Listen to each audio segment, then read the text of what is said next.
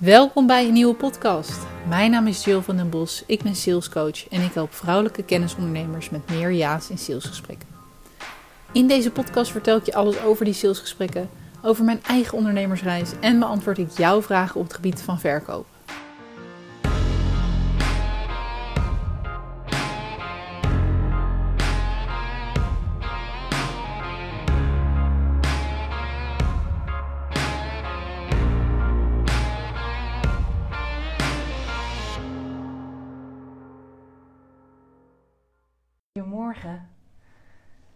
Een nieuwe werkdag, dat betekent een nieuwe live en dus ook podcast, want ze komen zowel op Instagram als op mijn podcast. En ehm, ja, veel mensen die, uh, die zijn ook verbaasd van, joh, elke werkdag, echt elke werkdag.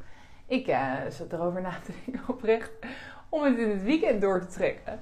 Want ja, je went er ook aan, hè, waar ik toen ik net begon mag je best weten, toen, ik weet nog mijn eerste story, die zou ik nooit meer vergeten.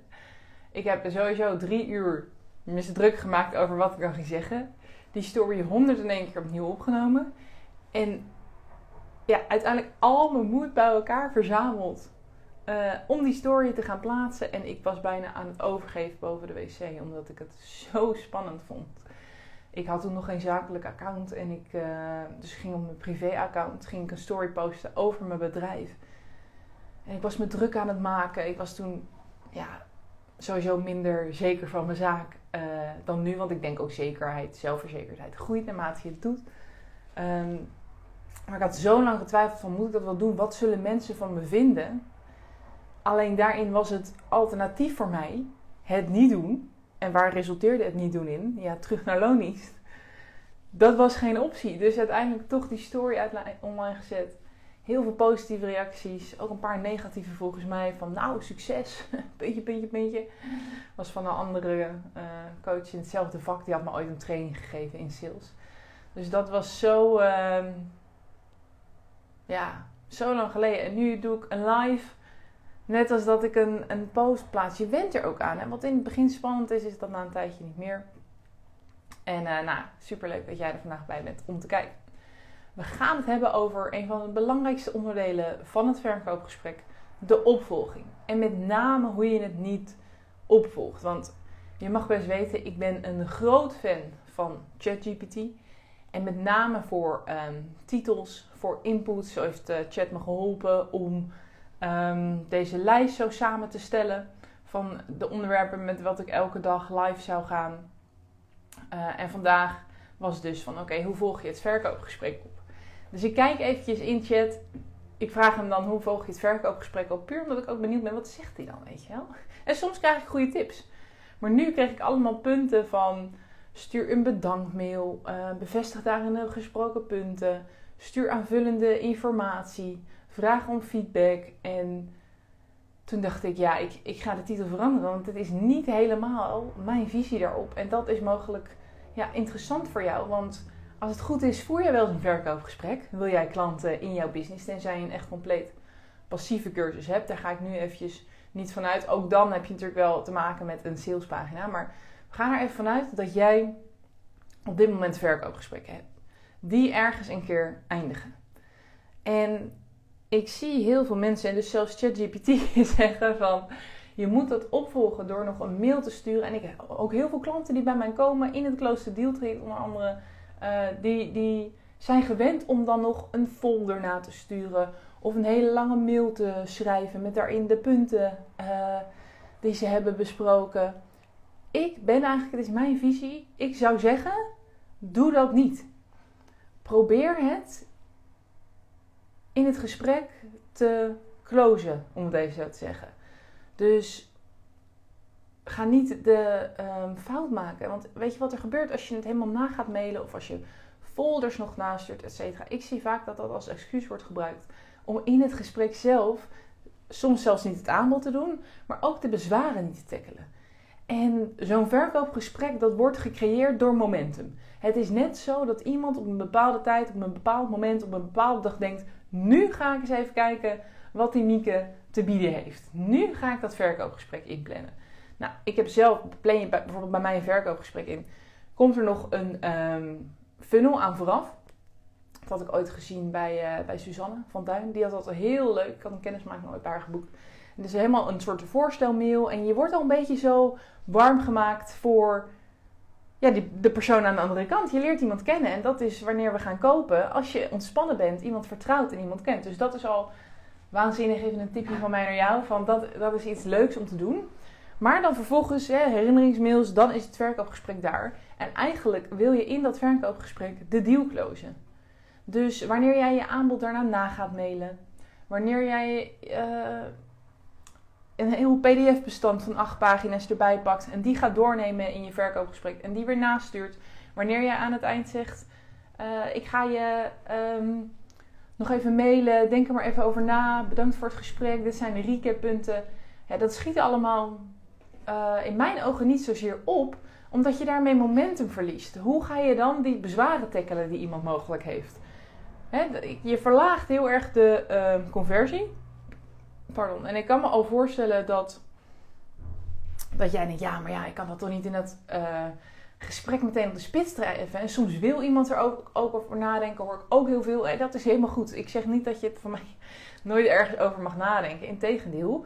Alleen, ik vind het wel jouw plicht eigenlijk om als expert en vaak als coach, vaak als kennisondernemer, om iemand in dat gesprek al er doorheen te helpen juist door te helpen bij bezwaren. Door je aanbod te pitchen en te vragen hoe klinkt het voor jou?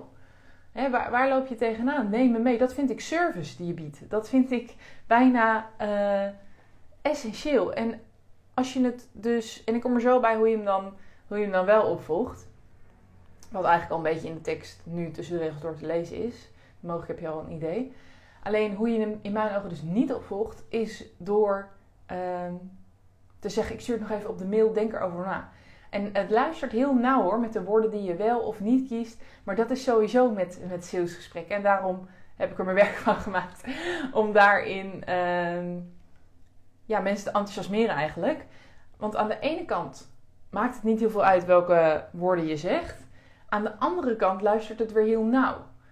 Uh, wat je wel en niet doet. Dus in dit geval niet aan het eind zeggen van... nou, het aanbod zo wel even op de mail sturen nog. Kan je erover nadenken en moet je maar via de mail laten weten. Nee, niet doen.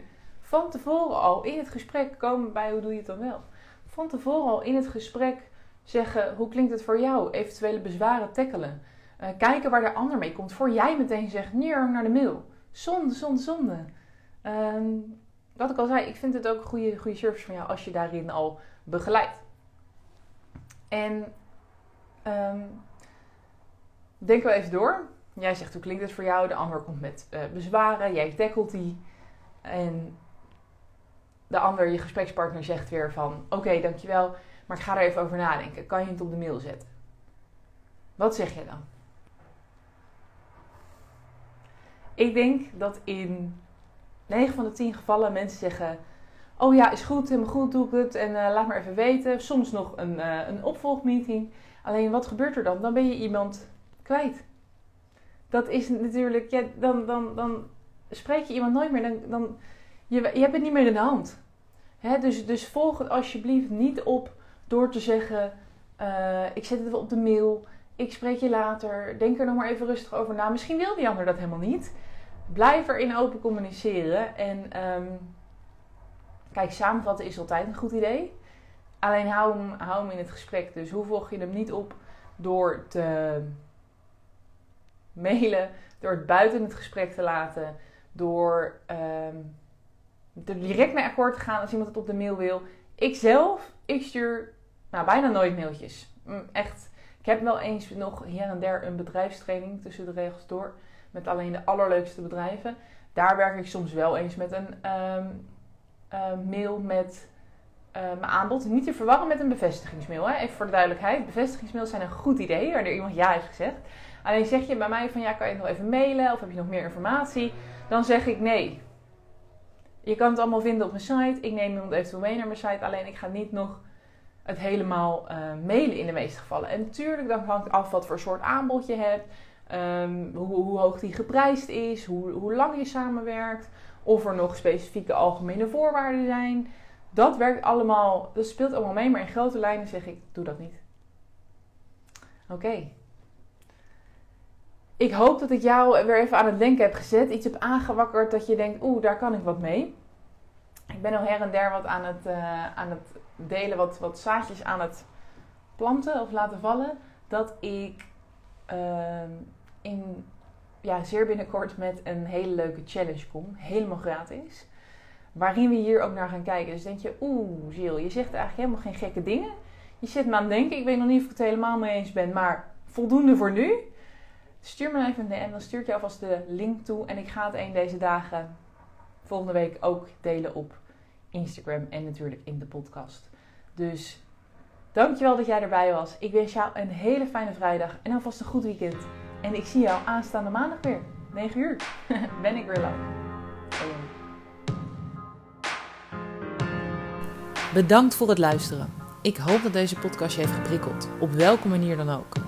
Want dat is mijn doel: jou een liefdevolle schop naar je kont geven. Want er ligt nog zoveel moois op je te wachten. Wil je meer weten over wat ik je kan bieden? Regelmatig geef ik masterclasses over dit onderwerp. Schrijf je in voor mijn nieuwsbrief om hier als eerste van op de hoogte te zijn.